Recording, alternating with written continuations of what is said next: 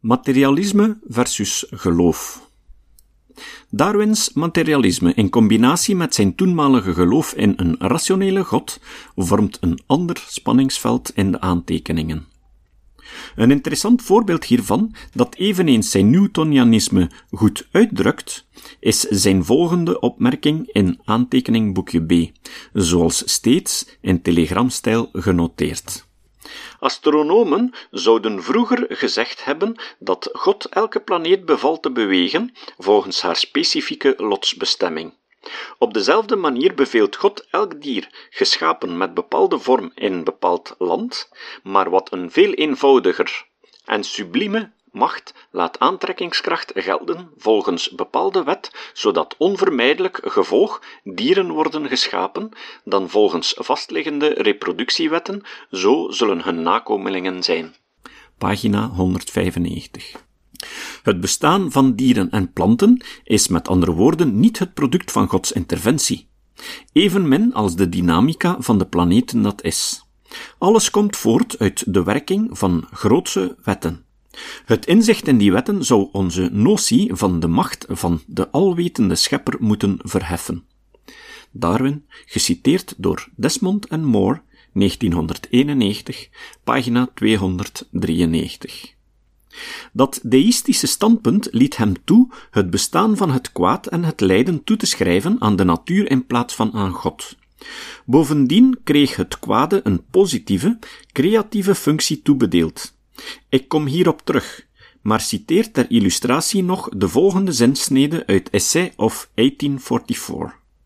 We zien dat uit dood, hongersnood en de strijd om het bestaan het meest verheven doel dat we ons kunnen voorstellen, namelijk de schepping van de hogere dieren, direct voortgekomen is. Pagina 190. Terzelfder tijd hield hij nog vast aan wat we nu groepsselectie noemen. In Principles of Geology had Lyell geargumenteerd dat een soort ernaar streeft zoveel nakomelingen te produceren als nodig om de populatie op peil te houden. Een gedachte die Darwin overnam. Ook na de lectuur van Malthus' essay bleef hij gedeeltelijk aannemen dat soorten zelf hun reproductielimiet kunnen bepalen, ook al had Malthus aangetoond dat de toename van een populatie niet van binnenuit, maar door externe factoren wordt geregeld. Later ontwikkelde hij een positie waarin het individuele organisme centraal staat in plaats van de groep of de soort. Toch is hij altijd van de mogelijkheid van groepselectie blijven uitgaan, ook al besefte hij uitstekend welke moeilijkheden dat oproept. Een problematiek die ik uitwerk in hoofdstuk 3.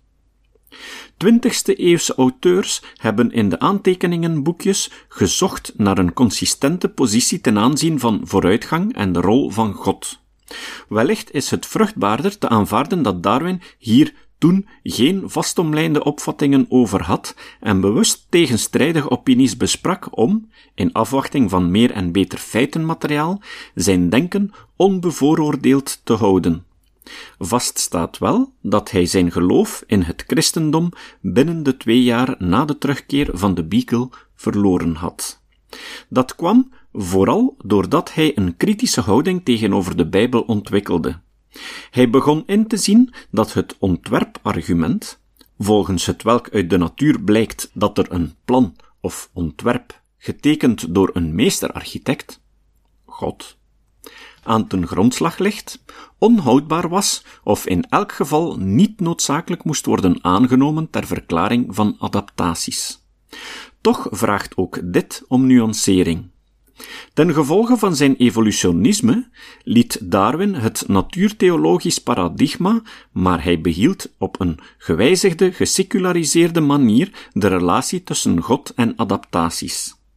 Een van de bekendste passages uit notitieboekje D, die tevens zijn vroegste formulering van het principe van natuurlijke selectie bevat, kan dat illustreren. Men kan zeggen dat er een kracht bestaat als honderdduizend weggen die trachten elk soort adaptieve structuur in de kloven van de economie van de natuur te drijven, of die veel eer kloven vormen door de zwakkere uit te duwen. De finale oorzaak van al dat geduw moet het sorteren van de juiste structuur en het aanpassen ervan aan verandering zijn. Pagina's 375, 376. Natuurlijke selectie kan hier nog worden geïnterpreteerd als een door God gecreëerd natuurlijk mechanisme dat levende wezens de mogelijkheid geeft zich aan een veranderende omgeving aan te passen. In Over het ontstaan van soorten, 1859, zou hij de weg-metafoor opnieuw formuleren, maar niet langer teleologisch gekleurd. Het gezicht van de natuur kan worden vergeleken met een meegevend oppervlak waarin tienduizend dicht opeengepakte scherpe weggen worden gedreven met onophoudelijke slagen. Het ene moment wordt de ene weg met meer kracht geraakt en dan weer de andere. Pagina 67. De aanwezigheid van God in het eerste citaat neemt evenwel niet weg dat zijn christelijk geloof zo goed als verdween tijdens de cruciale jaren. Later zou hij het christendom definitief afzweren, tenminste tegenover zichzelf. Van 1842 tot het schrijven van over het ontstaan van soorten en de afstamming van de mens, werkte Darwin zijn tijdens die cruciale jaren opgedane ideeën verder uit.